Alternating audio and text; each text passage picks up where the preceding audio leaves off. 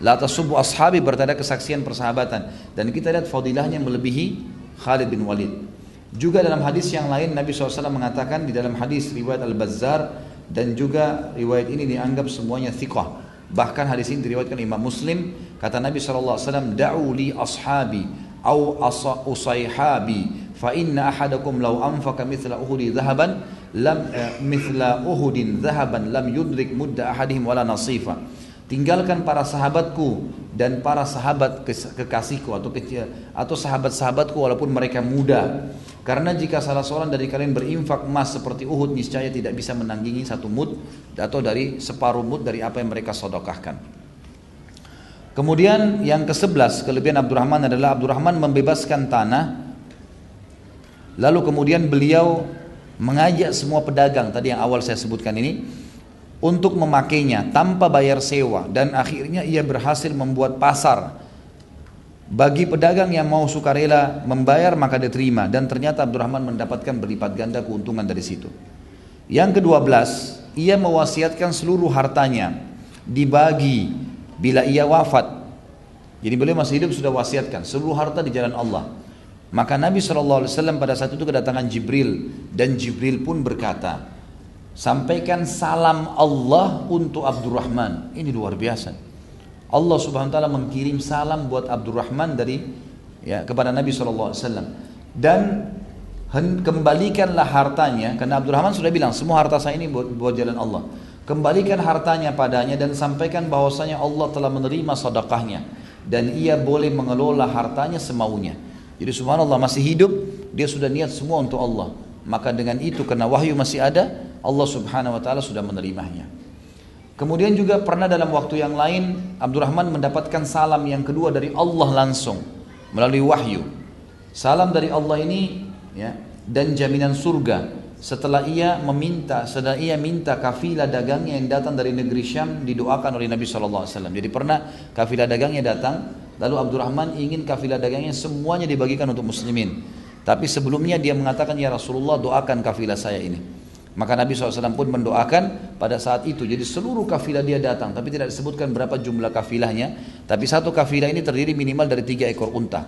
Maka Jibril datang dan mengatakan sampaikan hai Muhammad salamnya Allah untuk Abdurrahman dan katakan kepadanya dia termasuk telah mendapatkan jaminan surga karena niatnya ini. Niat saja mengeluarkan apa yang dia inginkan. Kemudian juga Abdurrahman adalah seorang dai. Ini kelebihan yang ke-14. Ya, tadi yang ke-13 salam yang lain lagi dan jaminan surga. Yang ke-14 masuk Islamnya masyarakat Daumatul Jandal. Ya ini setelah Nabi SAW mengutus pasukan di sana dan mengepung kurang lebih kalau tidak salah sebulan. Ya kalau saya salah saya bersifat kepada Allah. Tapi kurang lebih sebulan ya dikepung oleh uh, pasukan Nabi SAW dan tidak berhasil menembusnya. Karena Daumatul Jandal ini ada suku di sana yang uh, jumlah personilnya itu sampai 100 ribu orang. Maka pada saat itu Nabi SAW mengutus Abdurrahman bin Auf dan berkata padanya siap-siap oleh Abdurrahman dan pergilah ke sana. Maka subhanallah dengan keikhlasan dan ketulusannya dia datang kemudian dia mendakwahi mereka tiga hari bukan cuma mereka menyerahkan diri tapi mereka malah masuk Islam dan Abdurrahman sempat menikahi anak kepala suku yang ada di situ. Kemudian ya, yang terakhir adalah janji Allah Subhanahu wa taala melalui mimpinya. Abdurrahman mimpi bahwasanya dia telah diberikan kebahagiaan memang dari masih di perutnya ibunya. Dan ini kalau teman-teman pegang bukunya, itu ada di halaman pertama di kisah Abdurrahman ini. Kisah panjang lebar di mana beliau mengatakan pada saat beliau tidur, beliau mimpi kemudian melihat di dalam mimpinya ada dua malaikat yang datang. Kemudian dua malaikat ini ya apa namanya e, sempat memegang tangan Abdurrahman dan berkata, "Bawalah orang ini untuk dihakimi di depan Allah yang Maha Perkasa." Lalu kemudian Datang malaikat yang lain berkata, lepaskanlah dia karena sesungguhnya orang ini telah dijamin oleh Allah Subhanahu wa taala diberikan pengampunan dan kebahagiaan selama dia atau semenjak dia masih di rahim ibunya. Dan karena Abdurrahman adalah orang yang terpercaya, maka pegangan atau riwayat ini dipegangi oleh para ulama. Kemudian sebagai penutup teman-teman sekalian adalah saatnya kita berpisah dengan beliau radhiyallahu anhu dan kisah beliau ini tidak bisa selalu saja nyaman untuk diikutin, selalu saja nyaman untuk didengar gitu kan. Insya Allah ceramah yang seperti ini coba nanti antum ulangi lagi pada saat sudah di upload nanti diulangi didengar lagi makin kita dengar makin nyaman gitu. Saya bolak balikan buku ini subhanallah sudah berulang kali dan saya kumpulkan data-data tambahan tadi. Kalau teman-teman pegang bukunya itu memang ini yang kita bedah asasnya tapi cukup banyak informasi yang saya datangkan dari sumber-sumber yang lain. Itu selalu saja kita mendapatkan ketenangan hati, tambahan iman karena kisah yang luar biasa. Pada saat beliau meninggal dunia radhiyallahu anhu dalam kondisi beliau sakit gitu kan? Dan ini bukan karena perang. Sa'ad ibn Ibrahim berkata dari ayahnya ia berkata aku melihat Sa'ad ibn Abi Waqqas. Nanti insya Allah pertama kali kita bahas orang ini yang sangat mulia dalam peperangan. Beliau berdiri pada jenazah Abdurrahman bin Auf. Dan beliau sebelum mengangkat gerandahnya beliau sempat mengatakan sungguh sebuah gunung telah pergi. Maksudnya ini orang yang luar biasa. Ya seperti gunung yang luar biasa sudah hilang Lalu Ali bin Abi Thalib, Ibrahim bin Sa'ad juga berkata dari ayahnya dari kakeknya bahwasanya ia berkata Ali bin Abi Thalib sempat berkata pada saat melihat Abdurrahman wafat, "Pergilah wahai Ibnu Sa' Ibnu Auf, sesungguhnya engkau telah mendapatkan kejernian kehidupan dan engkau telah mendahului kekeruhannya." Maksudnya engkau pasti akan mendapatkan yang terbaik nanti di akhirat sana. Allahu a'lam. Jadi ini yang kita bisa dapatkan atau pelajari insyaallah mudah-mudahan bermanfaat dan semoga saja seluruh apa yang sudah kita lalui dari umur-umur kita ini diampuni oleh Allah kalau ada salah-salah dan juga diberkahi sisa umur yang ada sehingga seluruh amal yang akan kita kerjakan diterima dan juga semua muslimin yang masih sakit disembuhkan penyakitnya semua yang terlilit utang dilunasi utangnya dan semua ya kita yang hadir di sini diberkahi hidupnya insya Allah dan juga ya dimudahkan untuk bisa mengamalkan hukum-hukum Allah dijadikan orang-orang mukmin yang kuat secara fisik yang kuat secara iman, sempurna secara keyakinan dan juga diberikan kekayaan karena rajin bersedekah di jalan Allah Subhanahu wa taala. Dan tentu seperti biasa insya Allah kita akan lanjutkan pertanyaan setelah sholat duhur nantinya. Karena melihat waktu teman-teman juga mungkin butuh berwudu, akan saya buka sesi tanya jawab setelah itu. Dan kita berdoa sebagai penutup semoga Allah SWT memberikan kemenangan saudara-saudara kita di Palestina, di Syria, di Yaman, di Irak, di Myanmar, di mana pun mereka berada. Allah ikhlaskan niat-niat mereka Allah kokohkan telapak-telapak kaki mereka dan juga Allah berikan kemenangan Islam di tangan mereka dan Allah partisipasikan kita bersama mereka di pahala baik dengan doa, dengan harta dan juga dengan jiwa kita. Dan semoga Allah dengan kemahamurahannya menyatukan kita di surga firdausnya bersama para sahabat-sahabat yang mulia yang telah mendahului kita tanpa hisab dengan izin Allah yang semua yang hadir di sini dan juga kedua orang tua kita. Mungkin begitu subhanallah wa bihamdika asyhadu an la ilaha illallah astaghfirullah wa atubu. Wassalamualaikum warahmatullahi wabarakatuh. Assalamualaikum warahmatullahi wabarakatuh. Alhamdulillah, wassalatu wassalamu ala rasulillah Segala puji bagi Allah subhanahu wa ta'ala Juga salawat dan taslim besar Muhammad sallallahu alaihi wasallam Sudah-sudah, pertanyaan jangan ditambah lagi Cukup Ini bisa sampai subuh kita nggak pulang Mohon penjelasannya mengenai Sa'ad bin Rabi yang menawarkan istrinya untuk Abdurrahman bin Auf. Apakah istrinya tidak tersinggung? Karena istri itu manusia Ustaz, bukan barang. Terima kasih. Beginilah kalau kita masih berbicara perasaan bukan karena Allah. Tadi kan sudah saya bahas masalah itu. Jadi Sa'ad bin Rabi bukan seperti yang Anda bayangkan langsung aja menceraikan istrinya, dia akan tawarkan kepada Abdurrahman dan dia akan tawarkan kepada istrinya. Gitu kan. Sesuatu yang rasional. Dan di sini penawaran pertama kepada Abdurrahman karena dia melihat Abdurrahman adalah orang yang beriman kepada Allah, seorang yang hijrah tidak punya pasangan hidup, dia punya dua orang istri. Dia akan tawarkan karena ini adalah sebuah penawaran yang positif. Bukan berarti dia mau anggap seperti barang dagangan, dan pada saat istrinya nggak setuju misal tentu saja dia istrinya punya hak untuk untuk tidak untuk tidak menikah dengan temannya dia gitu kan. Tapi ini sebuah bukti yang kita ambil adalah pelajarannya bagaimana ketulusan saat ibn Rabi dan bagaimana ya kemuliaan jiwanya Abdurrahman ibn Auf. Itu yang dimaksud. Dan kita ambil pelajaran dari kisahnya karena memang ternukilnya kisah-kisah para sahabat kepada kita itu untuk diambil pelajarannya dan pelajarannya jelas di sini dengan bahwasanya bagaimana mereka saling menawarkan kebaikan karena Allah Subhanahu wa taala dan bagaimana Abdurrahman menolak masalah itu. Bagaimana agar kita bisa yakin akan rezeki seperti Abdurrahman ibn Auf? Ilmu, ilmu. Kata kuncinya ilmu. Seringnya hadir di majelis ilmu akan memunculkan keimanan. Tangga agama kita ilmu dulu. Hadir majelis ilmu non stop. Setiap ada kesempatan, kalaupun tidak hadir maka dengarkan. Mulai audio, apalah ya media yang bisa kita lakukan sekarang bisa di-download gratis, bisa didengar dari HP kita. Luar biasa, banyak sekali caranya. Ilmu. Seringnya mendengarkan ilmu yang benar sesuai dengan wahyu akan mendatangkan iman. Iman akan mendongkrak kita beramal saleh. Jadi karena adanya ilmu akan muncul keimanan dan keyakinan. Kalau sudah muncul ini maka akan secara otomatis terdongkrak kita beramal saleh. Tentang sifat afaf dari Abdurrahman bin Auf menolak pemberian saudara Ansar. Apakah tidak menyakiti perasaan si pemberi? Bagaimana dengan hadis menyenangkan saudara untuk uh, menerima pemberiannya?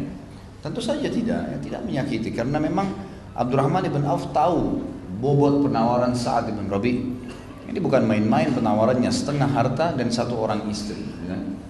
Tentu saja ini karena kemuliaan jiwa Sa'ad radhiyallahu anhu, karena ketulusannya dalam bersaudara karena Allah. Maka dia menanggapi itu positif, gitu kan? Dia menolaknya karena dia tahu lebih besar masalahnya untuk menolak pada saat itu pasti ya akan mengurangi harta saat pasti akan mengurangi juga istrinya yang sudah ada dua orang pada saat itu maka Abdurrahman pun menolak karena tahu kadar bobotnya gitu kan beda jangan antum samakan dengan ditawarkan segelas air atau ditawarkan sepotong kue coba beda gitu. tentu berbeda jadi di sini tidak sama sekali tidak menyakiti hati uh, atau perasaan si pemberi di sini saat ibn Rabi radhiyallahu mana yang didahulukan sedekah atau bayar hutang namun hutangnya masih bisa dibayar nanti. Tentu membayar hutang wajib ya. Membayar hutang wajib. Jadi begini, jangan difahamin sodaka itu berkisar di masalah duit saja.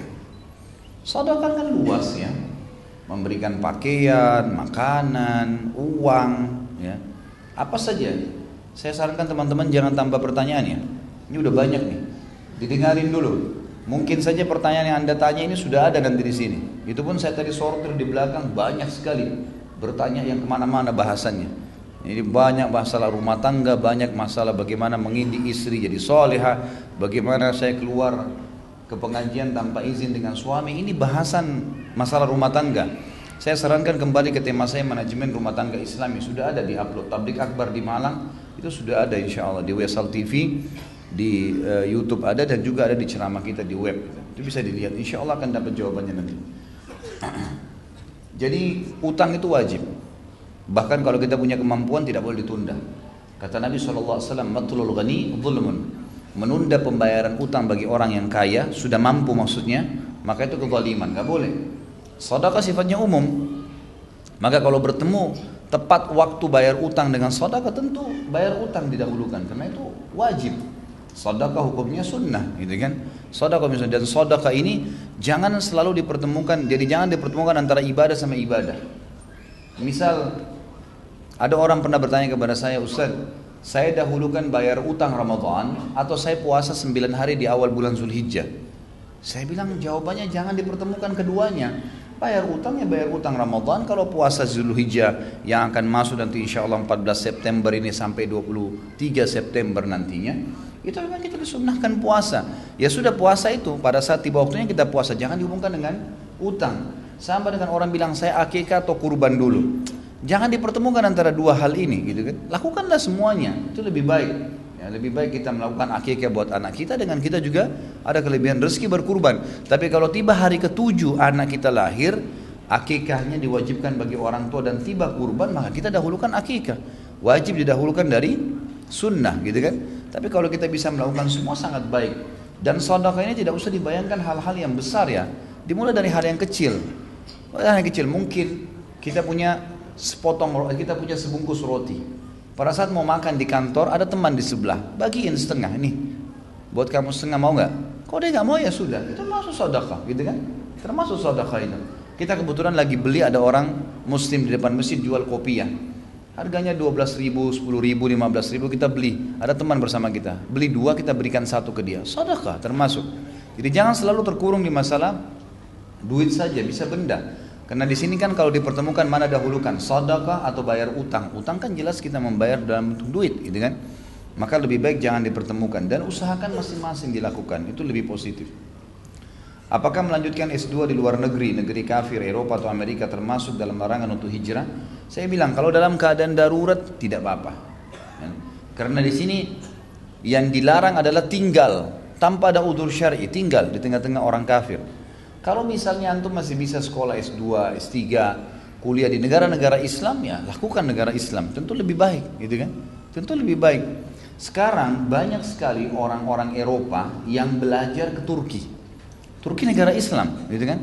Banyak sekali di tahun-tahun terakhir ini, lima tahun terakhir, banyak kampus-kampus di Turki, fakultas-fakultas umumnya pun itu dipenuhi dengan orang-orang Eropa. Anehnya kita malah berangkat ke Eropa, kenapa kita nggak ke negara Islam? Gitu kan? Banyak sekali. Maka kalau kita masih bisa ke negara Islam yang mudah kita ibadah itu jauh lebih sesuai dengan akidah kita. Kalau darurat tidak ada lagi ilmu itu atau ilmu baru ditemukan dan terkenal satu negara kafir perlu kita belajar ya itu lain. Pergi belajar lalu balik, gitu kan? Jangan sampai meninggal di negara kafir, di sana dihabisin waktu negara kafir yang tidak ada yang justru malah membahayakan buat dia secara akidah lebih baik jangan. Tapi kalau dia lahir di sana, duta, nuntut ilmu gitu kan, itu lain, itu mungkin hal-hal yang masih dianggap darurat, ya, yang masih darurat.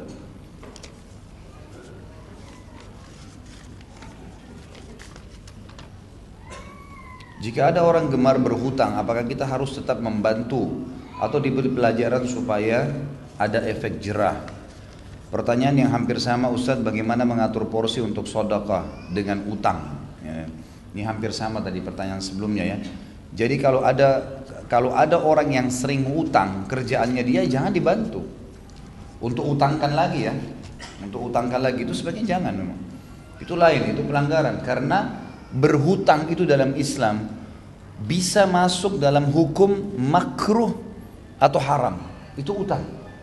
Nggak ada utang itu hukumnya sunnah, nggak ada. Hutang itu hukumnya makruh atau haram. Dia jadi makruh kalau kita memang harus berutang, kita nggak punya lagi cara lain, gitu kan? Hukumnya tetap makruh, itu bukan sunnah. Karena tetap didahulukan untuk orang itu tidak berhutang, karena utang ini berbeda. Hukumnya sendiri ada beda hukumnya. Kata Nabi SAW dalam hadis Bukhari, ruh seorang mukmin tergantung antara langit dan bumi selama utangnya belum terbayar. Orang yang mati syahid dalam hadis Bukhari dikatakan diampuni semua dosanya kecuali utangnya. Jadi utang ini punya hukum sendiri, gitu kan?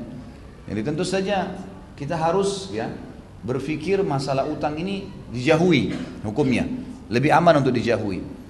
Dia akan menjadi haram kalau orang itu utang dengan niat tidak mau mengembalikan. Jadi haram. Uang itu dasarnya jadi haram. Makanya Nabi SAW mengatakan siapa yang berhutang darurat pun gitu kan dan dia niat mau mengembalikannya Allah akan mudahkan dia kembalikan. Nanti Allah akan bantu tuh tapi kalau ada orang utang asalnya nggak mau kembalikan, sudah niat memang tidak mau, ah ini orang mampu nggak apa-apalah, ah cuma seribu rupiah, ah cuma seratus ribu, ah orangnya kaya nggak usah. Maka ini sudah haram hukumnya. Dia haram dalam berutang, hukumnya haram. Maka tentu saja harus kita pahamin masalah ini. Jadi hutang itu dijauhi semaksimal mungkin, kecuali darurat. Dan kebanyakan pintu utang terbuka ini teman-teman sekalian karena memaksakan diri di atas kapasitasnya. Misal, ada seorang ibu pernah di salah satu taklim saya di Kelapa Gading bilang, Ustaz saya kalau tidak KPR rumah, saya nggak bakal punya rumah. Kira-kira bagaimana tanggapannya? Saya bilang itu kan statementnya ibu, perkataannya ibu itu. Jadi langsung mematok diri tidak akan punya rumah kecuali harus KPR, utang. Saya bilang itu kan perkataan anda, dari mana anda punya jaminan tentang masalah itu? Kenapa nggak kontrak dulu, nggak paksain diri, sambil ikhtiar, sambil berdoa dan nanti beli cash, itu bisa kok kalau mau, gitu kan? Buktinya banyak orang yang utang apalagi terlilit dengan masalah ribawi dipastikan subhanallah ujung-ujungnya meninggal jadi masalah. Jadi masalah. Ada orang yang belum selesai KPR-nya disita oleh bank. Akhirnya bukannya meninggalkan warisan untuk ahli waris malah ahli waris yang membayarkan utangnya. Berapa banyak mobil mewah yang dipakai, rumah yang dipakai, melampaui kapasitas. Laluin dunia ini semampunya, gitu kan? Jangan dipaksakan. Kita punya kapasitas teman-teman sekalian. Semua punya kapasitas. Mata punya jangkauan, suara punya jangkauan, ya, tangan punya jangkauan, kaki punya jangkauan. Jangan lebihi. Kalau kita melampaui kapasitas kita, kita harus memaksakan diri, kan gitu. Misal langkah kaki kita satu meter misalnya. Ada orang mau melangkah dua meter, susah. Susah, dia akan maksain diri bisa keseleo, bisa robek celananya, bisa macam-macam. Maka jangan lampaui kapasitas, gitu kan? Dan sodaka dalam masalah ini, ya, pernah ada sahabat bersodaka dalam hadis Bukhari dengan satu dirham, satu dirham. Yang satu bersodaka dengan seribu dirham. Lalu kata Nabi SAW, satu dirham, Allahu Akbar. Satu dirham mengalahkan seribu dirham, kata Nabi SAW. Sahabat semua heran, ya Rasulullah, gimana bisa? Jelas-jelas secara kuantitas ini di mata kita lebih banyak yang seribu. Kata Nabi SAW, karena yang sodaka dengan satu dirham tidak punya kecuali itu. Allah nilai dia mensodakakan semua hartanya pada satu dirham. Antum kalau nggak punya kecuali seribu rupiah dan antum sodakakan semua sama nilainya di mata Allah mensodakakan seluruh harta. Sementara orang yang sodakakan seribu dirham dia punya ratusan ribu dirham yang lain gitu kan. Jadi kecil kalau kita hitung secara persentase maka lebih kecil. Maka sedekah di sini dikeluarkan semampu kita. Ya ini. Kita keluarin sedekah. Saya tidak bilang misalnya kita mau naik bus, uang kita tinggal 3000 rupiah untuk bayar bus, lalu kemudian sedekahkan aja 3000 rupiah itu. Ya, bukan begitu pemahamannya. Kita kalau enggak berarti saya enggak bisa kuliah. Ya jangan. Keluarkan 3000 itu. Ya kita gunakan kalau pas-pasan. Karena sedekah itu yang paling pantas adalah buat diri sendiri dulu. Kata Nabi SAW, mulailah bersedekah dengan dirimu. Ya tadi tiga ribu rupiah pas mau naik bus. Kalau kita kasih orang lain kita nggak bisa naik bus. Itu salah kalau kita kasih orang lain. Karena sedekah dimulai dengan diri sendiri. Kemudian kepada kerabatmu, lalu kemudian orang-orang yang datang setelah mereka, umumnya kaum muslimin. Ya, kan? Pernah ada sahabat pegang satu kantong dirham. Dia bilang ya Rasulullah, ada orang miskin muslim umum ada lagi orang miskin yang satunya punya hubungan kerabat sama saya. Satu kantong dirham ini yang mana saya kasih? Kata Nabi SAW, kalau kau kasih yang punya hubungan kerabat denganmu, kau akan mendapatkan dua pahala. Pahala silaturahim dan pahala sedekahnya. Jadi kita bisa memilih siapa yang kita mau kasih sebenarnya, gitu kan?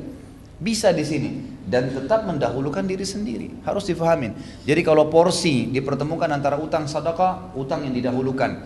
Kalau saya harus bersedekah bagaimana ya semampunya gitu kan? Dan diikuti dengan niat yang ikhlas kepada Allah Subhanahu wa taala, maka insya Allah itu akan mendapatkan maksimal pahala. Ustaz bolehkah dikala kita bersedekah kita berharap pahala ganti dari Allah di akhirat nanti? Hampir serupa pertanyaan juga Ustaz apakah boleh bersedekah dengan keyakinan Allah akan memberi lebih lagi atau cukup lillahi ta'ala? Tentu saja boleh. Semua yang Allah janjikan boleh kita harap. Ya, kan? Boleh kita harap. Allah Subhanahu wa taala memberikan penjelasan dalam Al-Qur'an perumpamaan orang-orang yang bersedekah di jalan Allah seperti orang yang menanam tanaman yang nanti tanaman itu akan tumbuh dan setiap memiliki banyak dahan dan ranting dan setiap dahan itu akan punya 100 ranting dan seterusnya. Jadi Allah Subhanahu wa taala akan memberikan memang berlipat gandaan. Wajar kita minta. Allah Subhanahu wa taala menjanjikan salah satu kiat untuk menambah rezeki adalah bersedekah. Memang begitu. Ya benar Adam hadis Bukhari tadi hadis Qudsi kata Allah ya benar Adam amfik amfik alaih. Anak Adam infak dulu di jalanku aku akan berikan kepadamu. Memang kita ada balasan. Beri kita akan dikasih. Kalau kita sholat, puasa, semua ibadah kita kerjakan karena berharap masuk surga itu penting. Itu kaidah dasarnya. Kita berharap balasan yang Allah janjikan. Makanya dalam buku-buku hadis disebutkan fadilah sholat duha, fadilah sholat malam, fadilah sedekah, fadilah bakti dengan orang tua. Apa itu fadilah? Janjinya Allah di ibadah yang sedang kita kerjakan. Bolehkah saya ibadah karena mengejar apa yang Allah janjikan? Boleh saja. Itu termasuk lillahi ta'ala berarti. Karena kita berharap. Bolehkah saya meninggalkan dosa karena takut masuk neraka? Boleh. Ya gitu. Karena yang suruh kita takut pada neraka Allah Subhanahu wa taala berarti dengan takut pada neraka Berarti kita takut pada Allah Subhanahu wa taala. Allah sebutkan tentang masalah surga Al-Imran surah nomor 3 ayat 133. A'udzu billahi minasyaitonir rajim wasari'u ila magfiratin rabbikum wa jannatin arduha as-samawati wal ardu lil muttaqin. Bersegeralah kalian kepada pengampunan Tuhan kalian, bertobat kalau punya salah dan kejarlah surga dengan sibukkan diri dengan amal soleh setelah itu, setelah taubat yang luasnya seluas langit dan bumi yang hanya dijanjikan untuk orang-orang yang bertakwa. Jadi Allah menyuruh kita kejar surga memang. Ibadah, ibadah, ibadah untuk masuk surga. Itu Allah yang perintahin. Berarti dengan mengejar surga sebagai balasan kita patuh pada Allah. Bagaimana bisa antum mau beribadah tidak ada janjinya? Fitrah manusia butuh janji, gitu kan? Makanya dijanjikan oleh Allah Subhanahu wa taala, bukan dijanjikan palsu ya. Ini janji yang pasti. Kemudian dalam surat Tahrim, surah nomor 66 ayat 6, Allah Subhanahu wa taala ceritakan tentang khawatir dari api neraka. A'udzu billahi minasyaitonir rajim. Ya ayyuhalladzina amanu qu anfusakum wa ahlikum nara wa quduha an-nasu wal hijara 'alaiha malaikatun giladun syidad la ya'sunallaha ma amara ma yaf'aluna ma yu'marun. Hai orang-orang yang beriman, beriman, selamatkan dirimu dan keluargamu dari api neraka. Kata ulama tafsir dengan meninggalkan dosa-dosa, gitu kan? Takutlah kalian dengan api neraka itu kata Allah. Yang bahan bakarnya dari manusia dan batu, dijaga oleh malaikat-malaikat yang kasar, keras, tidak pernah menolak apa yang Allah perintahkan dan selalu patuh terhadap apa yang Allah titahkan. Jadi memang kita takut masuk neraka itu berarti takut sama Allah karena Allah yang suruh, gitu kan? Allah yang suruh. Jadi kita bisa berharap balasan, bisa berharap balasan. Apakah mengundang orang anak orang yatim makan di rumah sodaka uh, sod, sebagai sodaka kelihatan ria atau membagikan makanan berbuka puasa akan tampak ria? Tentu saja begini ya. Semua ibadah yang kita kerjakan yang akan kelihatan oleh orang lain, sholat berjamaah di masjid, sodaka di tempat umum, berpuasa Ramadan, orang semua tahu kalau lagi puasa. Ada orang baca Quran di masjid, orang lihat Kemudian haji dan umroh misalnya. Karena orang semua lihat. Semua ibadah kata ulama yang akan dilakukan di hadapan orang-orang pasti akan dilibatkan syaitan dalam ibadah syaitan akan melibatkan dalam ibadah itu ibadah tersebut ria pasti tinggal orang itu mengiyakan atau tidak ini kita lagi sholat Syaitan bisikin tuh, sebelah kamu ada orang itu nanti dia kira doa kamu panjang, nanti kamu dipuji, nanti kamu terus dia tawarkan. Selama kita tidak mengiyakan tidak riak, sah sholatnya. Tapi kalau kita iyakan, baru dia riak. Kan? Berarti kita mengundang orang makan, kasih orang miskin sodaka makan, orang semua lihat itu enggak riak. Abdurrahman bin Auf membagi, mengiklankan 700 tadi kafilanya, untanya. Diiklankan, ini semua Abdurrahman wakafkan buat kalian Pernah juga saya ceritakan Uthman bin Affan mendatangkan kafilah yang sangat banyak dari dari dari Syam untuk dibagi-bagikan. Maka Uthman mengatakan saksikan wahai muslimin ini sedekah buat kalian. Tapi belum bisa mengontrol hatinya dari dia. Amin. Selama kita bisa kontrol maka tidak ada masalah. Tidak akan masuk dalam bab ria. Karena kadang-kadang ada amal yang memang harus dikerjakan di depan umum, nggak bisa enggak. Bagaimana hukumnya kita bersedekah di rumah yatim yang pemiliknya ahli bid'ah? Tentu saja kita lihat bid'ahnya apa nih? Kalau bid'ah itu sifatnya bid'ah mukaffirah, bid'ah yang sampai membuat orang kafir, syirik, minta-minta ke kuburan. Nah itu jelas janganlah gitu kan. Apalagi kalau dana itu disodakahkan lalu kemudian dipakai untuk perbuatan-perbuatan ritual ini. Tapi kalau misalnya bid'ahnya itu adalah bid'ah yang sifatnya perilaku-perilaku yang memang belum sampai pada mukaffir, tidak sampai mengkafirkan orang, gitu kan? Kekeliruan-kekeliruan karena tidak tahu dalilnya. Maka kita sekalian nasihatin. Saya sarankan teman-teman tetap masuk ke semua lembaga dan berikan syarat, gitu kan? Ini saya berikan ya, dan saya minta nanti begini atau dikasih hadiah buku diikutkan dengan buku. Kalau kita masih belum tahu keadaannya bagaimana, sodokah saja secara umum, tidak ada masalah. Karena memang hukum dalam Islam adalah hukum zahir yang kelihatan depan mata. Kalau kita lagi jalan dengan seseorang, Pas azan duhur dia nggak sholat. Nah itu wajib kita ingkar mungkar. Tapi kita tidak punya kewajiban dalam Islam keluar dari masjid, pegang tangannya orang, kamu udah sholat belum? Itu nggak ada dalam Islam. Artinya kalau kita berikan sodaka kepada orang ya kita sodaka secara umum berhusnuzan, gitu kan? Bahkan sodaka bukan cuma untuk orang misti, orang muslim, orang kafir aja boleh terima sodaka kita. Nabi SAW dalam hadis Bukhari pernah memberikan puluhan ekor kambing kepada satu orang musyrik yang datang ke Madinah dari belakang Gunung Uhud. Dia tinggal di belakang Gunung Uhud, awal hijrah. Maka orang ini mengatakan, Hai Muhammad, saya dengar kamu mengajarkan pengikutmu untuk selalu bersadaqah. Maka tidak ada orang yang susah dari umatmu. Ya. Saya orang miskin, saya minta satu ekor kambing kamu. Nabi SAW langsung bilang, kamu lihat unta-unta ini? Nabi kebetulan punya puluhan ekor unta. Kata orang itu, iya. Kata Nabi, ambil semuanya buat kamu. Semuanya. Bawa saja. Orang ini bilang, hai Muhammad, jangan kau olok-olok saya. Kata Nabi SAW tidak, ambillah. Maka orang itu ambil semuanya puluhan ekor dibawa pulang ke kaumnya, Subhanallah begitu tiba di pintu gerbang sukunya dia teriak, wahai kaumku, berimanlah pada Muhammad karena Muhammad mengajarkan ajaran yang tidak akan membuat kita susah. Gak ada berhentinya orang sadaqah itu. Maka di sini akhirnya masuk Islam satu suku karena perilaku Nabi SAW. Tapi saksi bahasan boleh bersadaqah dengan orang kafir. Yang penting bukan mendukung tempat ibadahnya. Apalagi kalau Muslim yang masih majul hal, nggak jelas, itu kan keadaannya. Atau mungkin dia masih melakukan pelanggaran tapi dia tidak tahu hukumnya. Bukan sampai orang yang memang fanatisme yang tahu tapi tetap melanggar itu lain. Itu jangan gitu kan? Kita tahu akan berbahaya harta tersebut. Mana yang lebih utama? Lebih sesuai tuntunan Nabi. Jika punya uang lebih apakah berkurban dengan kambing domba atau sapi? Tentu saja dengan kambing. Kambing dan domba ya. Karena Nabi Shallallahu Alaihi Wasallam eh, berkurban dengan domba dan dengan domba tentunya. Dan domba ini sejenis dengan kambing.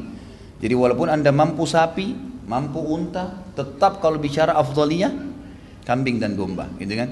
Dan dianjurkan setiap muslim yang punya kemampuan uang pada saat tiba idul adha nanti dan hari tasyrik tiga hari setelahnya kalau kita pemerintah misalnya tanggal 24 September nanti berarti 24, 25, 26, 27 gitu kan maka empat hari ini dianjurkan untuk berkurban ada yang punya kemampuan beli satu ekor kambing maka dia beli Walaupun memang uang itu tadinya dia mau pakai untuk modal misalnya, maka lebih baik dia dahulukan untuk ini, gitu kan? Karena ini ibadah dan sedekah di jalan Allah Subhanahu wa taala. Maka ini besar pahalanya dan insya Allah Allah akan gantikan dengan yang lebih baik. Tapi kalau bertemu dengan perbuatan-perbuatan wajib, misal membayar utang, maka dia dahulukan utangnya atau dia tidak punya kemampuan, gitu kan itu tidak usah dipaksakan. Jadi lebih afdal kambing dan dianjurkan setiap muslim yang punya kemampuan berkurban lebih dari satu ekor. Karena Nabi SAW berkurban dengan domba dalam hadis Bukhari 65 ekor. Dan juga dianjurkan setiap muslim untuk menyembeli kalau dia mampu dengan tangannya sendiri. Ini termasuk perintah ya. Haruskah berkurban itu di lingkungan rumah tempat tinggal karena lingkungan saya isinya orang berada? Bolehkah di daerah lain tapi saya tidak menyaksikan? Boleh saja, nggak ada masalah. Lihat tempat yang lebih dibutuhkan. Satu-satunya pendapat ulama yang mengatakan agar tidak berkurban di tempat lain itu hanya di Mekah. Kalau orang lagi haji, maka dianjurkan lebih afdal berkurban di haji. Karena itu wilayah haram, lagi musim haji, itu lebih mulia dibandingkan tempat lain, gitu kan? Jadi kita bisa berkurban di sana. Tapi kalau selain itu silahkan. Di Jakarta sudah cukup, di sekitar komplek kita cukup, sumbang di daerah lain itu boleh, nggak ada masalah. Haruskah saya memakan bagian dari kambing kurban tersebut? Uh, apakah boleh dikurbankan saja semua? Tidak harus, tapi sunnahnya. Nabi SAW menyunnahkan orang yang menyembeli untuk mengambil sebagian dagingnya, baik kurban, baik akikah, baik untuk mengundang orang, sodakain ke orang. Karena Nabi SAW sering kali kalau ada sembelihan beliau mengatakan, idribuli sahma, berikan saya sebagiannya. Lalu Nabi SAW menikmati dari daging sembelihan tersebut. Di mana saja bisa belajar sejarah Islam untuk S2? Apakah di Madinah, negara Arab atau bisa di kampus di Indonesia? Saya tidak tahu kalau di Indonesia ya. Kalau di daerah Timur Tengah mungkin yang terbuka untuk S2 itu hanya daerah Afrika, mungkin Mesir gitu kan. Ini yang masih terbuka. Saya tidak tahu sekarang kalau Turki membuka diri karena baru-baru ini saya dapat berita ada penawaran beasiswa. Tapi kalau untuk di Timur Tengah, kalau di Madinah itu nggak bisa. Karena di Madinah itu setahu saya syaratnya untuk S2 memang dasarnya dia S1 di situ. Ya. Udah S1 di Madinah, Kemudian dia lulus baru bisa. Kalau enggak maka enggak bisa. Selain sedekah atau infak, amalan apa yang bisa membuka pintu rezeki? Saya sarankan ikut tema saya ya. Saudaraku ini adalah rahasia rezekimu. Ada 10 kiat menambah rezeki yang saya sebutkan. Bersyukur, berinfak, gitu kan? Menikmatin yang halal, menjauhi yang haram, memperbanyak istighfar, kemudian bertakwa kepada Allah, patuh pada Allah, kemudian bertawakal, kemudian silaturahim, kemudian hijrah tadi yang kita jelaskan, kemudian haji dan umrah dan yang ke-10 itu doa. Ini 10 kiat panjang lebar saya jelaskan dalam tema Saudaraku ini rahasia rezekimu bisa dilihat ada di YouTube insyaallah. Apa benar Abdurrahman bin Auf paling terakhir masuk surga dibandingkan para sahabat Nabi yang lain kenal lamanya hisapnya? Saya nggak pernah temukan riwayat itu. Tidak pernah saya temukan. Yang ada kita temukan adalah malah hadis Sahih Bukhari tadi kalau Abdurrahman dijamin masuk surga. Di sini maksudnya dijamin masuk surga, dia akan masuk surga tanpa hisap. Malah pemahamannya 10 orang sahabat itu masuk surga tanpa hisap. Jadi bukan berarti masuk surga saja. Karena kalau hanya masuk surga dengan dihisap, banyak orang tidak perlu disebutkan namanya oleh Nabi SAW kan? Karena misalnya seseorang di antara kita juga nanti kalau dihisap hari kiamat insya Allah amalnya lebih baik, dia juga akan masuk surga. Kalau memang tetap melalui hisap, maka tidak butuh disebutkan. Penyebutan 10 orang ini berarti tanpa hisap mereka masuk, itu nilai plusnya di situ. Karena kalau melalui hisap berarti umumnya seperti muslimin gitu kan. Jadi tidak ada saya setahu saya Allah alam ini tidak tidak mungkin ada gitu ya. Surah Al-Baqarah 215 tercantum infak didahulukan orang tua lalu kerabat. Kira-kira kerabat uh, tetangga yang perlu kita beri infak seperti apa? Ya tentu saja orang yang butuh ya, orang yang butuh. Dan infak ini, sedekah ini bisa untuk orang kaya, bisa untuk orang miskin ya. Misal gini, ada orang tua kita datang kaya raya atau saudara kita datang ke rumah kaya raya, kita hidangkan makan, itu sedekah. Makanan yang kita keluarkan sedekah. Lagi kebetulan adik saya datang ke rumah, kemudian dia lihat baju di lemari, itu bagus ya, saya mau minta, kita berikan, silahkan ambil. Dia orang mampu sebenarnya, tapi dia suka baju itu, modelnya bagus, mungkin suka warnanya, kita kasih, itu sedekah. Padahal dia orang mampu, gitu kan? Jadi boleh saja, bolehnya memberikan bagian daripada daging kurban kepada orang kaya, itu boleh.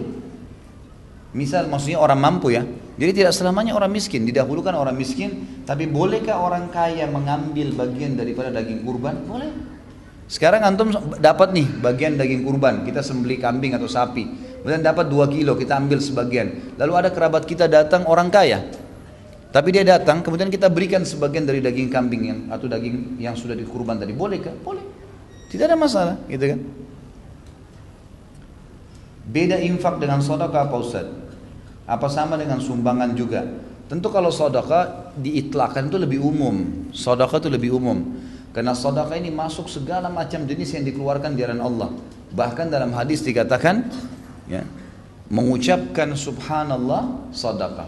Zikir. Mengucapkan Alhamdulillah sadaqah Mengucapkan La sadaqah Menyuruh kepada kebaikan sadaqah Melarang dari kemungkaran sadaqah Bahkan engkau mengangkatkan barang sahabatmu, saudaramu ke atas tunggangannya sedekah. Dalam hadis lain dikatakan seseorang dari kalian akan mendapatkan pahala sedekahnya sampai sepotong makanan yang dia taruh di mulut istrinya. Jadi sedekah lebih umum, bisa masuk apa saja yang diniatkan untuk Allah berhitung sedekah. Tapi kalau infak lebih tertuju kepada benda materi yang diberikan. Itu yang saya tahu, Allah alam. Kalau sumbangan tentu dalam bahasa Indonesia yang bisa lebih umum lagi ya bisa lebih umum lagi. Teman saya seorang mu'allaf masih tinggal dengan keluarganya yang non-muslim. Apakah ia harus hijrah ke tempat di mana ia mudah beribadah dan meninggalkan keluarganya? Ia seorang janda yang bekerja dengan anak dua. Orang tuanya belum tahu ia mu'allaf. Ya tentu saja. Dia tetap hijrah. Semua orang yang terganggu dari sisi ibadah, mu'allaf atau muslim, maka dia harus pindah. Yang sudah jelas panjang lebar tadi saya jelaskan. Dan saya sarankan seperti ini masalah mu'allaf ini jangan disembunyikan, sampaikan saja. Mungkin saja bisa menjadi penyebab keluarganya malah dapat hidayah, gitu kan? Bukan mustahil. Kenapa harus ketakutan? Anda dalam keadaan benar. Apa yang harus dikhawatirkan? Kenapa orang jadi mu'allaf sembunyi, gitu kan? Kebenaran itu bukan untuk disembunyikan, diiklankan. Itu yang benar. Tidak boleh kita khawatir dengan itu. Ada orang subhanallah pakai baju koko, pakai kopi yang malu. Loh kenapa? Ada orang pakai cadar malu jalan. Subhanallah. Ini kebenaran. Kenapa orang yang sedang salah telanjang tidak malu? Terbalik ini, gitu kan? Mesti yang benar itu ditonjolkan memang. Bagaimana wanita bersedekah sedangkan uangnya adalah milik ayahnya atau suaminya? Apakah dengan uang e, saku yang dikumpulkan? Saya sudah jelaskan tadi ya, sedekah secara umum. Apa saja dia boleh sedekahkan. Kalau misalnya memang ada uang yang dia mau keluarkan, kemudian itu hasil pemberian dari ayahnya atau suaminya, maka dia bahasakan dan dalam hadis dikatakan siapa pun yang bersodakah dari harta seseorang, maka yang bersodakah dapat uang, dapat pahala dan yang memiliki harta juga dapat pahala. Misal gini, seorang suami kasih ke istrinya, lalu istrinya sodakahkan, maka suami juga ikut dapat pahala. Orang tua memberikan kepada anaknya, anaknya sodakahkan, maka juga orang tuanya dapat pahala. Jadi nggak ada masalah sebenarnya, cuman kalau bertemu antara kita mau sodakahkan secara umum dengan misal suami titipkan duit, ini uangnya nafkah bulanan. Diberikan kewajiban untuk menyiap, menyiapkan makanan, kebutuhan rumah. Ini berarti kewajiban. Maka nggak boleh disodokahkan uang ini. Karena memang ini sudah bentuk sodokah suami yang harus dijalankan. gitu kan? Jangan disodokahkan lagi, kecuali ada lebihnya lain. Tapi kewajiban didahulukan. Jika kita hanya mempunyai uang pas-pasan, jadi uang yang ditabung memang untuk kebutuhan masa depan, untuk bayar kuliah dan beli rumah. Jadi kita mengganti menabung dengan wakaf tunai yang ada jangka waktunya sehingga bisa kita ambil lagi ketika kita butuh. Uang kita jadi bisa dimanfaatkan untuk umat. Ya, jika seperti ini bagaimana Ustaz? Jika untuk sedekah kita punya uang sama tadi. Lebih baik mana Ustaz? Apakah lebih baik sedekah tujuannya sama? Ya sebenarnya sedekah ini tidak usah di, jadi dimulai dengan sesuatu yang dimudahkan. Dimudahkan oleh Allah Subhanahu wa taala. Kita lagi punya duit di kantong, keluarkan. Apa yang sih saya harus sedekahkan tiap hari? Sedekah sesuatu yang kita mampu. Bahkan subhanallah kita menimbahkan air buat orang, memberikan air segelas minum, menunjukkan orang kepada, kepada jalan orang yang sesat itu semua masuk dalam sedekah, semua kebaikan, gitu kan? Jadi kita coba semampunya Allah alam yang saya tahu. Kalau kita harus bayar kuliah, kemudian target satu tahun pembayarannya sekian. Kita udah taruh di rekening untuk itu. Saya bukan bilang jangan nabung ya, jangan salah faham. Bukan tidak boleh ada uang sama sekali kita simpan tidak, tapi prioritaskan sodakahnya. Ada orang tidak, dia memang nabungnya diprioritaskan sehingga tidak pernah bersedekah. Ini yang kita singgung dari tadi ini. Jadi sodakahnya didahulukan. Kalau ada kebutuhan dasar, apa yang kita mau keluarkan bayar kuliah, sudah masuk dalam pemahaman tadi, dia sodakah buat diri sendiri. Itu sudah sedekah namanya, gitu kan? Maka itu didahulukan tentunya, kemudian lebihnya baru dikeluarkan. Saya punya saudara yang senang sekali pinjam uang. Kalau tidak, saya tagih uang yang dipinjamkan terus dipakai untuk modal dagang. Padahal saya sudah tidak apa ini. Saya pun sudah berikan kepada dia modal cukup besar yang sampai sekarang tidak saya tagih. Perlukah saya pinjamkan setiap saat saudara saya butuh modal? Saudara saya ini selalu tidak cukup berapapun modal yang dipinjamkan. Jadi tentu saja begini. Uh, pertama kalau orang utang dengan anda dan sudah sepakat jatuh tempo misalnya sebulan. Pertanyaannya mana yang lebih baik? Saya tagih atau tidak? Hah? Tagih. Nggak boleh nggak nagih. Karena kalau kita tidak nagih, kita membiarkan dia dalam kemungkarannya. Orang yang menunda pembayaran utang sementara dia tahu dan dia mampu itu dosa. Kita harus nagih. Kalau sudah nagih kemudian dia tidak mau bayar berarti kewajiban kita secara agama sudah lepas. Tergantung kita mau maafin atau menagih lagi gitu kan. Kalau masalah ada orang sudah pernah utang, kemudian utang itu disepakati akan dikembalikan pada waktu tertentu. Ini tadi kan dikatakan tidak ditagih, mestinya ditagih. Penagihan ini akan memberikan kepada dia rambu-rambu. Kalau dia mau pinjam lagi tanya, mana utang yang sebelumnya? Oh saya tidak bisa karena begini, begini, begini. Baik kita punya opsi. Beda ya, bersedekah secara umum dengan meminjamkan uang. Kalau kita menghutangkan orang, itu kita punya pilihan. Beda sedekah, sedekah kita kita nggak punya pilihan. Kalau ada orang lagi minta, kita dianjurkan memberi semampunya, gitu kan? Tapi kalau ada orang mau utang, kita punya hak untuk nolak. Beda. Hukum hutang dengan hukum sedekah berbeda. Gitu kan?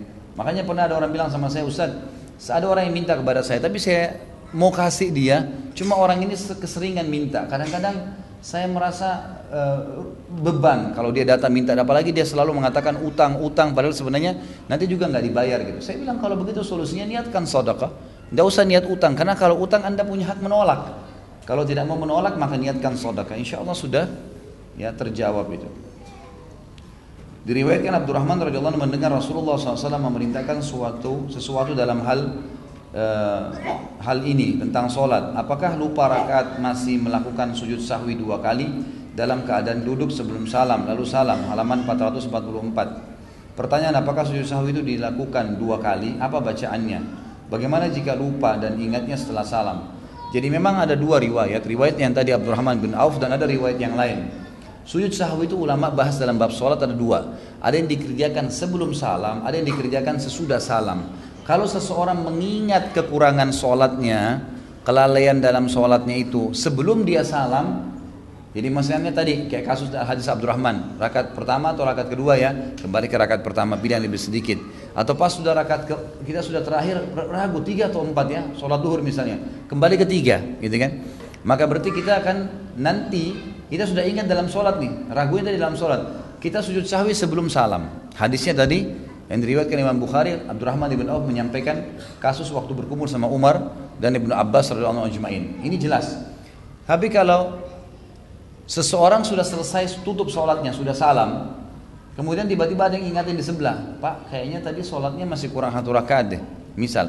Atau misalnya tiba-tiba kita habis salam, duduk, lagi zikir, kayaknya tadi saya kurang satu rakaat, baru ingat. Maka itu hukumnya langsung berdiri, langsung berdiri, kerjakan rakaat yang kita lupa, kemudian sampai tahiyat, salam, habis salam baru sujud sahwi. Karena ingatnya setelah sholat. Ini hadis Bukhari menjelaskan. Dalam hadis Bukhari dijelaskan pernah Nabi SAW sholat um, asar begitu rakaat kedua tahiyat pertama Nabi SAW sudah salam maka sahabat semua ikut salam gitu kan lalu Nabi SAW berzikir seperti tidak ada apa-apa gitu. Habis berzikir, Nabi SAW berdiri menuju ke pintu masjid. Biasanya tradisi beliau SAW, habis berzikir beliau tidak berdoa, tidak apa, langsung berdiri ke pintu masjid lalu berdiri menunggu siapa di antara sahabat yang ingin konsultasi, ingin apa berbicara sama beliau gitu kan. Berdiri di depan pintu nunggu orang keluar. Maka sahabat-sahabat pada saat itu di antaranya Ibnu Abbas meriwayatkan hadis ini mengatakan, saya ingin menegur tapi di dalam saf sholat ini ada Abu Bakar, ada Umar, ada sahabat-sahabat senior tapi nggak ada yang menegur Nabi SAW. Maka sampai ada datang satu Arab Badui datang mendekati Nabi SAW lalu berkata, Ya Rasulullah depan pintu, apakah turun wahyu sekarang mengubah sholat dari empat menjadi dua? Turun nggak wahyu itu? Gitu kan? Maka Nabi SAW mengatakan, apakah anda, dari dia bilang, apakah anda lupa atau turun wahyu? mengubah sholat dari empat menjadi dua? Kata Nabi SAW, saya tidak lupa dan tidak turun wahyu. Artinya Nabi SAW yakin itu dua empat rakaat gitu. Maka beliau pun dalam hadis ini dikatakan memegang tangan sahabat tersebut lalu membawanya ke dalam masjid yang waktu itu kebetulan sahabat belum yang lainnya belum bubar. Kata Nabi SAW, benarkah yang orang bilang ini? Saya sholat dua rakaat tadi kata mereka benar ya Rasulullah. Maka Nabi SAW segera kembali ke mihrabnya Lalu takbir semua sahabat ikutin ditambah dua rakaat sampai salam. Setelah salam baru beliau sujud sahwi. Kenapa? Karena ingatnya setelah salam. Maka sujud sahwinya setelah salam. Kalau ditanya apakah dua kali? Jawabannya iya dua kali sujudnya. Dan di antara dua duduk duduknya itu tidak ada bacaan apa-apa. Ya, cuman sujudnya saja. Ini umumnya ulama mengatakan boleh membaca doa-doa sujud.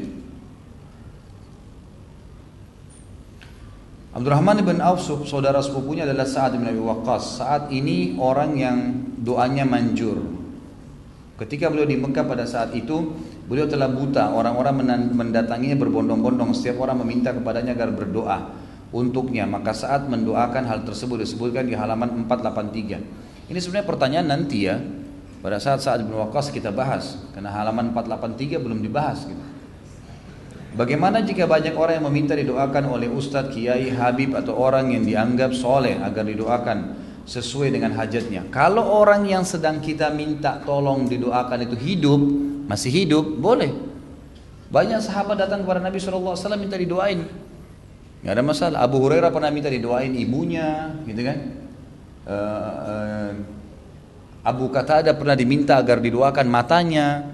Seorang wanita yang kena penyakit ayan pernah datang meminta agar didoakan oleh Nabi SAW. Kalau Nabi masih hidup boleh, gitu kan tidak ada masalah masih. Tapi kalau sudah meninggal nggak boleh lagi. Karena memang waktu Nabi SAW sudah meninggal, tidak pernah ada sahabat satupun yang datang ke kuburan Nabi SAW lalu meminta-minta kepada beliau. Kenapa Bilal dan sahabat lainnya masih membunuh Umayyah yang pada saat itu Umayyah sudah jadi tawanan perang? Apakah tawanan perang boleh dibunuh? Sebenarnya di sini kasusnya si Umayyah masih belum masuk dalam umumnya tawanan perang karena dia tadinya masih di kancah peperangan. Ya. Tawanan perang itu nanti kalau sudah digiring sampai di pemimpin, ini pemimpinnya, amir peperangan, ini tawanan, dikumpulin semua baru dihitung tawanan perang. Selama dia masih di kancah peperangan, belum masuk dalam tawanan yang dikumpulin, maka itu masih dianggap kafir harbi. Orang-orang yang di kancah peperangan gitu kan. Dan Bilal waktu itu lihat Kan makanya makanya tadi saya ceritakan eh, Abdurrahman bin Auf ingin membawa Umayyah ke mana? Ke kemahnya Nabi kan gitu. Supaya dikasih tahu ini loh tawanan saya. Tapi sebelum tiba di kemah itu ketemu Bilal. Jadi sebelum ketemu sama pimpinan perang itu ketemu dengan Bilal dan Bilal melihat ini pimpinan orang kafir. Maka beliau pun akhirnya ya membunuhnya. Jadi belum sampai kepada pimpinan perang. Abdurrahman bin Auf datang ke Madinah maka Nabi SAW menawarkan dengan Sa'ad bin, uh, Sa'ad bin Rabi al-Ansari. Saat menawarkan untuk membagi keluarga dan hartanya. Bahkan sampai ditawarkan dua orang istri yang dipilih ya, apa ini untuk dipilih dan mau menalaknya halaman 443 pertanyaan apakah hal ini dibolehkan menawarkan istri kepada sahabat ya tentu saja ini perilaku Abdurrahman saat saat kepada Abdurrahman dan ulama sepakat mengatakan ini bisa dijadikan sebagai sebuah hukum. Kalau ada seorang muslim muhajir dan seorang di, di satu negara Islam dan ada seorang muslim memiliki lebih dari satu orang istri seperti saat dan dia ingin menolong saudaranya ini agar punya pasangan itu dibolehkan.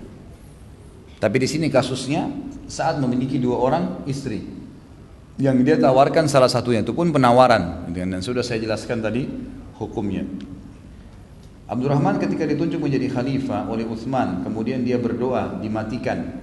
Sebelum itu apakah boleh berdoa minta mati? Ada hadis Nabi SAW yang berbunyi, janganlah kalian berharap kematian. Tapi kalau seseorang di antara kalian merasa memang perlu mati itu, artinya lebih baik saya meninggal, maka dia mengatakan, Ya Allah, Hidupkanlah aku kalau kehidupan lebih baik untukku dan matikanlah aku kalau kematian lebih baik untukku. Artinya boleh seseorang mengatakan itu tapi dikembalikan kepada Allah Subhanahu wa taala. Dan Allah menerima itu. Ini juga pernah terjadi ya, bukan cuma kepada Sa'ad bin Rabi. Ya, pernah terjadi juga kepada Sa'ad bin Mu'ad, salah satu pimpinan Ansar juga yang lain. Itu pada saat terjadi perang Quraisy uh, uh, Bani Quraidah atau terjadi perang Ahzab, beliau sempat kena anak panah dan beliau sudah sakit parah. Maka beliau berdoa mengatakan, Ya Allah, janganlah engkau matikan aku kecuali setelah aku ya menyelesaikan urusanku dengan Bani Quraidah. Artinya dia ambil keputusan di situ. Lalu Allah SWT betul-betul mematikan setelah Bani Quraidah. Ini banyak terjadi di kisah-kisah orang soleh kita. Tapi mengembalikan kepada Allah Subhanahu wa taala. Kenapa ekspansi tidak memasuki seluruh Eropa? Ini tentu historinya panjang ya. Tetapi pada saat Islam sudah masuk ke Spanyol dan Spanyol itu kalau kita lihat secara peta, sebenarnya Spanyol itu sudah masuk lebih dari seperempat Eropa. Men. Kalau kita lihat petahnya, Spanyol itu besar sekali ya. Dulu Spanyol itu masuk juga Portugis, Portugal masuk di dalamnya. Itu dulu besar sekali memang, besar sekali. Kalau dilihat lokasi wilayah, kalau saya tidak salah Spanyol itu itu sama besar dengan wilayah-wilayah sebagian besar Eropa yang lain, yang itu. Jadi memang sudah sebagian besar masuk pada saat itu. Dan ekspansi Islam sudah sempat sampai ke wilayah selatannya Perancis. Ini ada bahasan sendiri tentunya.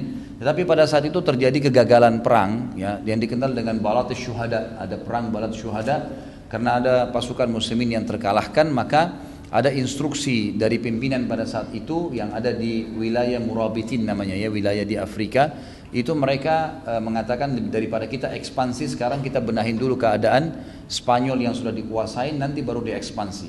Cuma subhanallah ekspansi setelah itu banyaknya melalui dakwah, sudah bukan lagi peperangan, sudah bukan lagi peperangan. Dan Islam sudah banyak dikenal pada saat itu di wilayah Eropa. Sampai sejarah Eropa tertulis bahwasanya pada zaman ya pada zaman kejayaan Islam bukan cuma zaman uh, Umayyah dulu ya atau Murabitun tadi yang saya sebutkan itu di zaman Utsmaniyah saja Eropa negara-negara Eropa itu itu banyak sekali di antara mereka yang masuk dalam Islam bahkan mereka menjadikan wilayah uh, pakaian-pakaian, tradisi-tradisi mereka, makanan mengikuti umat Islam.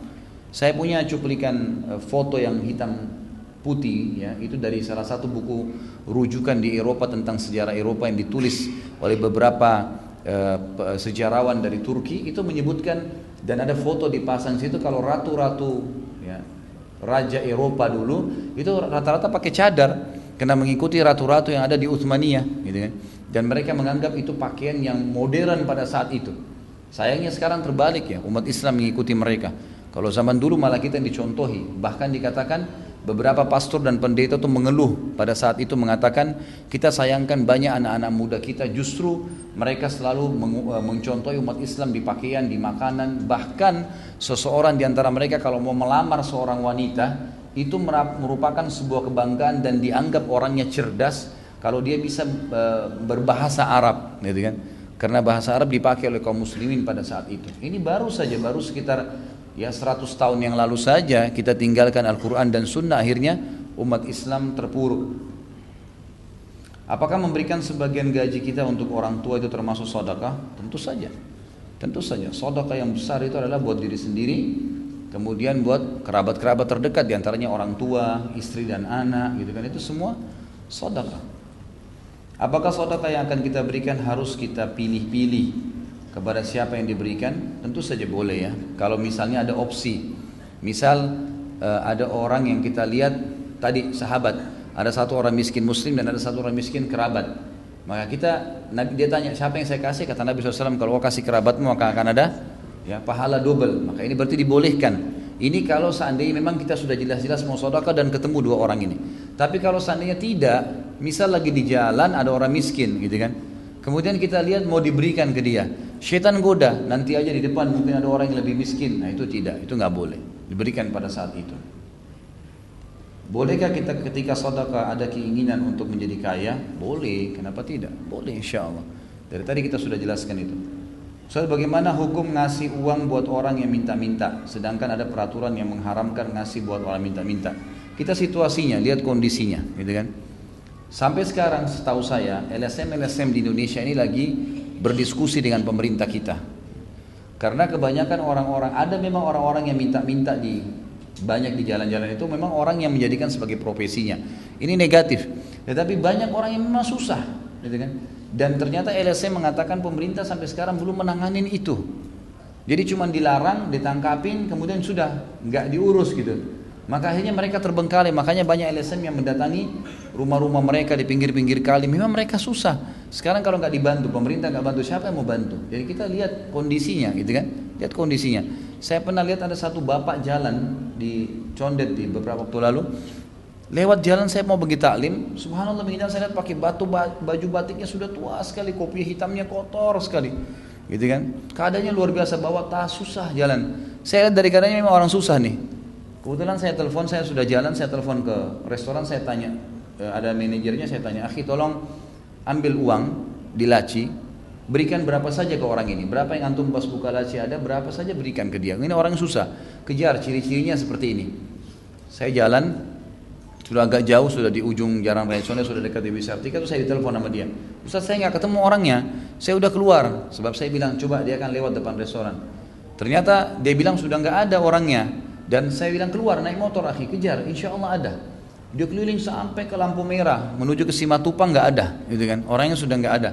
Terus saya bilang ya Allah ini gimana nih? Lewat nih sayang orang ini memang mesti kita kasih sodaka karena saya punya pengalaman sebelumnya yang saya tidak bisa lupa seumur hidup saya teman-teman sekalian. Makanya amal soleh jangan ditunda, gitu kan? Ada pernah orang miskin ibu-ibu di bawah pohon di depan di depan pengajian saya di Kampung Melayu sama anaknya kecil, bajunya kotor sekali, luar biasa sudah kelihatan orang susah. Dia berikan isyarat minta uang sama saya. Saya waktu itu niat mau bantu tapi karena saya tidak berpikir lagi azan duhur takut ketinggalan sholat qobliyah dan juga sholat duhurnya gitu. Masjid lumayan jauh. Saya bilang sebentar ya bu, maksud saya sebentar habis taklim. Subhanallah saya balik habis sholat ibu itu sudah nggak ada. Saya cari-cari nggak ada. Saya naik mobil tiga kali mutar situ saya nggak ketemu. Lalu saya nyesal. Saya bilang sama diri saya sendiri sambil muhasabah. Berapa lama tadi Khalid kalau kau korek kantong kamu dan berikan dia? Hitungan detik. Lalu saya menyesal, saya sesali seumur hidup kenapa saya tidak beri pada saat itu. Padahal kesempatan buku amal saya dicatat tuh pada detik itu, tapi saya terlalaikan dengan syaitan. Saya nggak mau kehilangan lagi nih. Saya bilang sama manajernya tadi, saya bilang, akhi tolong antum naik motor. Saya ingat saya, ya Allah ini mudah-mudahan tidak terulang kasus kampung Melayu nih, gitu kan. Maka saya bilang, coba antum keluar naik motor. Saya tiba-tiba teringat, saya ya Allah tunjukkan di mana orang ini.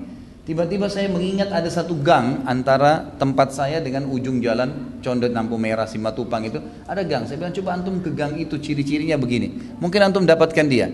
Subhanallah dia ke sana dia dapat. Kemudian dia telepon saya ini Ustaz sudah dapat bahkan saya dikirimin fotonya di WhatsApp. Ini Ustaz orangnya gitu kan. Maka saya bilang ya betul alhamdulillah ini orangnya dikasih lah gitu kan. Dan dia terima kasih. Tapi di sini kita lihat kita boleh memberikan orang seperti ini. Kira-kira bagaimana kalau kita tidak bantu? Mungkin yang dimaksudkan ini kalau kalau kita lihat orang itu dasarnya memang penipu atau orangnya banyak hal-hal dasar lah yang kira-kira kita anggap itu uh, misal ya, saya lihat di lampu merah ada orang yang penuh dengan tato, anting-antingnya banyak, wah tidak ada sudah nggak ada cahaya sedikit pun di wajahnya orang seperti ini. Ya. Allahu alam kalau saya lihat tidak dibantu gitu kan. Yani kita memberikan kepada orang lain mungkin ya, karena memang ada hal-hal yang negatif. Tapi kalau ibu-ibu yang susah kesian itu kan, dan seterusnya itu lebih baik. Pak Ustadz kira-kira kita yang hidup di zaman sekarang masih ada potensi atau tidak untuk menyamai derajat para sahabat atau melebihi derajat para sahabat Rasulullah di akhirat kelak. Karena ketika saya menasihati teman saya atau keluarga saya untuk mencontohi para sahabat, mereka selalu membantah itu. Karena para sahabat tidak bisa disamakan dengan kita. Seolah-olah kita tidak akan pernah bisa menyamai para sahabat. Tentu saja begini teman-teman sekalian. Allah subhanahu wa ta'ala menyampaikan kepada kita, kita kisahnya. Dalam buku ini kita lihat, ini ada empat jilid. Teman-teman bisa lihat di depan. Ini saya lihat di sini ada sembilan sahabat. Ini ada delapan sahabat di buku ini. Belum buku-buku yang lainnya, yang tiga jilid mungkin ada lebih puluhan orang sahabat barangkali. Semua ini ternukil kepada kita dengan riwayat-riwayatnya, dengan kisah-kisah pengalaman hidupnya. Untuk apa Allah sampaikan kepada kita? Untuk dicontohi, gitu kan? Abu Bakar dijamin surga, Umar dijamin surga, Uthman. Apakah itu hanya sekedar dikenang begitu saja? Tidak. Tujuannya untuk kita menciplak hidup mereka. Mereka manusia seperti kita. Mereka juga punya waktu 24 jam, mereka punya istri, punya anak, punya kegiatan, punya aktivitas senang, sedih, susah, ya, gembira. Jadi kita ciplak hidupnya. Kalau kita ikutin bukan mustahil kita bersama mereka di surga. Bukan mustahil kita dapat jaminan surga. Karena sabda Nabi SAW ada 70 ribu dari umatku masuk surga tanpa hisab. Bahkan ada riwayat yang lain menambahkan setiap satu orang bersama mereka 70 ribu yang lainnya. Gitu kan. Jadi banyak sekali jumlahnya sebenarnya. Maka bukan mustahil. Tapi kalau kita mengalahkan sahabat saya nggak tahu. Ini sulit ya. Untuk menjawab ini saya tidak bisa terus terang karena kita memang sudah sebutkan tadi hadis Nabi. Kalau seseorang di antara kalian berinfak sebesar Uhud emas semua tidak akan bisa menyamai satu mut bahkan setengah mut mereka, setengah genggam mereka. Maka mungkin untuk mengalahkan mereka Allah alam sulit, tapi kalau untuk sama itu bukan mustahil. Allah alam. Ini yang saya tahu. Mungkin sampai sini dulu teman-teman sekalian. Maaf saya nggak bisa baca yang lainnya. Insya Allah di waktu lain kesempatan Anda bisa hadir ada pengajian kita di masjid ini setiap hari Rabu malam itu selalu ada pengajian rutin kita di sini kajian dosa-dosa besar silakan dihadiri dan boleh bertanya sampai jam 9 malam. Sebelum kita tutup saya akan menyampaikan ada beberapa program yayasan yang sedang saya belinya dan saya bentuk. Yang pertama itu siapa tahu di antara iwa akhwat punya informasi kami akan buat Islamic Center dan saya akan bina di situ. Insya Allah saya akan menetap di satu tempat nantinya. Belum tahu di mana. Saya berharap di Jakarta, baik itu dalam bentuk tanah wakaf atau misalnya memang mau partisipasi untuk mengumpulkan dana dan kita bangun bersama-sama. Dan saya berpikir untuk punya Islamic Center dan di situ saya akan kader, artinya mencoba ya coba semampu saya memiliki kader-kader dai yang bisa kita buat kelas pelatihan dai, Mungkin di sana ada pelatihan-pelatihan kegiatan-kegiatan agama umumnya lah ya. Dan cukup banyak uh, apa kegiatan yang sudah saya programkan di yayasan yang rencananya itu. Jadi ini program yang pertama yang kita harapkan mudah-mudahan ada. Siapa tahu ada di antara muslimin yang berpikir untuk wakaf tanah, untuk amal jariah dan seterusnya. Untuk bangunan saya sudah dapat penawaran dari seorang ibu dokter jazakallah khair. Beliau memang mengatakan mau membangun masjid buat ibunya ya, dan tadinya di kota Malang ya, ada tanahnya Tanahnya itu sudah cukup besar, sekitar 1.500 meter, dan sudah ada anggaran buat masjid beliau siapkan. Masya Allah anggaran masjidnya lumayan satu setengah m dia kasih, dan dia bilang ini Ustadz silakan.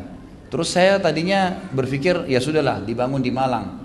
Lalu saya berpikir, saya bilang sama dia, bu begini aja bu, kalau di Malang saya harus bolak-balik Jakarta Malang mengawasin. Kenapa nggak sekarang tanah di Malang dijual, kemudian jadikan duit kita beli tanah di Jakarta yang bisa dijangkau oleh akses orang di Jabodetabek ini itu insya Allah lebih baik. Karena selama ini Islamic Center yang memang kita bina sesuai dengan sunnah itu masih jarang sekali di kota Jakarta. Maka itu lebih baik saya bilang dijual dulu baru kita bangun. Dia Alhamdulillah setuju lagi sekarang tanah di Malang itu akan dijual dulu kemudian akan digabungkan dana dan ini bisa teman-teman bergabung atau misalnya ada yang mau wakafin tanah juga bisa. Program yang lain adalah kami sekarang lagi memberdayakan dai-dai, memaksimalkan keadaan dai. Perlu teman-teman tahu, ini bukan karena saya dai ya. Sedekah itu kata para ulama yang paling afdal adalah diberikan kepada diri sendiri dan orang tua serta yang diwajibkan istri dan anak. Datang setelah itu, setelah orang tua, istri dan anak adalah sedekah kepada para ulama. Karena ulama-ulama ini adalah pewaris para nabi, gitu kan? Jadi mereka kalau dimakmurkan maka akan makmur keadaan masyarakat ini. Karena kata ulama, kalau seorang alim itu makmur, maka akan makmur yang lainnya. Datang setelah alim adalah di sini alim dai-dai semuanya ada. Datang setelah mereka para mujahid. Datang setelahnya fakir miskin secara umum. Kenapa orang alim lebih didahulukan daripada mujahid? Kata ulama karena seorang alim bisa motivasi seribu mujahid. Kenapa didahulukan dari fakir miskin? Karena satu alim bisa membuat sabar seribu orang miskin. Di sini bukan berarti ya mereka itu tidak boleh bersedekah. Seorang alim harus lebih dulu menjadi contoh. Tapi kita berbicara dai-dai kita memang yang tidak punya kemampuan. Maka di yayasan saya buatkan program adanya pengadaan motor buat dai, adanya eh, apa namanya eh, tunjangan bulanan. Ada beberapa dai-dai yang masya Allah dakwanya luar biasa, tapi kehidupannya memang masih susah gitu. Maka saya buat tunjangan-tunjangan ada 3 juta per bulan, ada 5 juta per bulan. Nanti semua kebutuhannya di, di, di istilahnya dipenuhi. Berasnya, gulanya, listriknya, semua kita tanggungin gitu. Dan itu insya Allah ada pahalanya karena satu orang dia itu sudah cukup kita panen pahala sekian banyak umat yang didakwahinya gitu kan. Tentu juga dai-dai ini disortir, dipilih ya. Kemudian juga termasuk berhubungan dengan dai ada pengadaan laptop, ada pengadaan perpustakaan dai gitu kan, ada uh, pengadaan pembiayaan untuk anak-anaknya dan seterusnya. Ya. Kemudian ada kegiatan sosial seperti pembuatan sumur, ya, penggalian sumur di beberapa daerah, kemudian penebaran buku-buku agama Islam, penyebaran uh, busana muslim dan muslimah ya secara gratis ini semua kita lakukan dan ada penerimaan alokasi zakat mal gitu kan itu kita alokasikan kepada orang-orang yang berhak dan e, terakhir itu kemarin saya sempat menanyakan fatwa karena ada seseorang jemaah yang datang kepada saya mengatakan Ustaz saya punya bunga bank yang saya tidak tahu harus apakan. Apakah saya tinggalkan di bank atau saya ambil maka saya bilang saya tanyakan fatwanya dulu. Saya coba pastikan beberapa artikel saya coba kumpulkan data-datanya. Saya teleponkan langsung ke Madinah ke beberapa masyaikh. Ternyata bunga bank itu boleh ditarik bank konvensional. Tapi hukumnya kembali kepada hukum umum. Tidak ada yang punya harta itu jadi kembali kepada haknya Allah Subhanahu wa taala dan boleh dialokasikan bukan untuk kebutuhan pribadi tapi untuk kegiatan sosial seperti perbaikan jalan, jembatan, kemudian paving blok jalan, kemudian got dan seterusnya ini semua dibolehkan. Maka saya buka akhirnya di program yayasan pengalokasian e, bunga bank itu tujuannya untuk kegiatan tadi. Karena umumnya fatwa ulama yang saya temukan kalau seandainya dikhawatirkan bunga bank itu, apalagi dia harus membuka di bank konvensional tadi, akan digunakan oleh orang-orang pemilik bank untuk kepentingan agama mereka, kayak bangun gereja, tempat-tempat ibadah, maka ini ya tidak dibolehkan. Kalau dia tahu jelas dipakai untuk itu, maka ditarik dan dilemparkan ke kegiatan-kegiatan sosial. Tentu bukan dia tidak dapat pahala di sini ya. Orang yang menarik bunga bank garis bawahi tidak dapat pahala dari kegiatan sosial, karena itu bukan uang dia. Jadi ini beda, makanya sedekah secara umum, bunga bank nggak ada pahalanya. Itu hukumnya kembali kepada hukum asal. Hukum tidak ada pemiliknya, jadi hukum haknya Allah. Makanya kita alihkan kegiatan sosial dan jangan dianggap ini berarti sudah punya banyak amal jariah. Karena ini hal-hal mendasar yang mesti diketahui. Juga terakhir teman-teman sekalian di yayasan juga saya buka untuk kurban. Kalau ada yang mau ikut partisipasi silahkan di beberapa wilayah. Ya, itu ada nilai-nilai tertentu tentunya yang umumnya mungkin sudah orang-orang tahu. Uh, kambing dan sapi tapi ini saya tidak sebutkan nilainya karena dalam masjid. Tapi itu insya Allah kalau ada yang berminat bisa tanya saya nantinya kita akan adakan itu insya Allah dan yang terakhir ada program umroh untuk para penghafal Al-Quran. Ini juga insya Allah akan kita alokasikan e, dana umrohnya setelah haji nanti dan para penghafal Al-Quran kita gilir untuk bisa e, umroh Allahu alam. Mungkin begitu. Mudah-mudahan apa yang kita bahas bermanfaat dan mohon maaf kalau ada yang belum sempat saya jawab Ya pertanyaannya semoga sekali lagi semua apa yang sudah kita lakukan terdahulu kalau salah diampuni diganti pahala oleh Allah semua yang kita kerjakan dari kebaikan diterima dan juga yang belum kita kerjakan sudah diterima dan juga seluruh muslimin yang sakit disembuhkan yang punya utang dilunasi utangnya kemudian belum dapat hidayah diberikan hidayah yang sudah dapat hidayah dimudahkan untuk mengamalkan dan tidak henti-hentinya kita berdoa agar saudara kita di Palestina, di Syria, di Yaman, di Irak, di Myanmar di mana pun mereka berada diberikan kemenangan, keikhlasan dan juga Allah muliakan Islam di tangan-tangan mereka serta Allah partisipasikan kita dengan pahala baik dengan uh, doa kita dengan harta dan juga dengan jiwa kita. Dan semoga Allah dengan kemahamurahannya yang sedang melihat kita malaikatnya sedang menghadiri majlis yang mulia ini menyatukan kita semua di surga firdosnya tanpa hisab sebagaimana ia satukan kita di majlis ilmu yang mulia ini. Kalau benar dari Allah kalau salah dari saya mohon dimaafkan. Subhanakallahumma bihamdika asyhadu an la ilaha illallah astaghfirullah wa atubu ilaih. Wassalamualaikum warahmatullahi wabarakatuh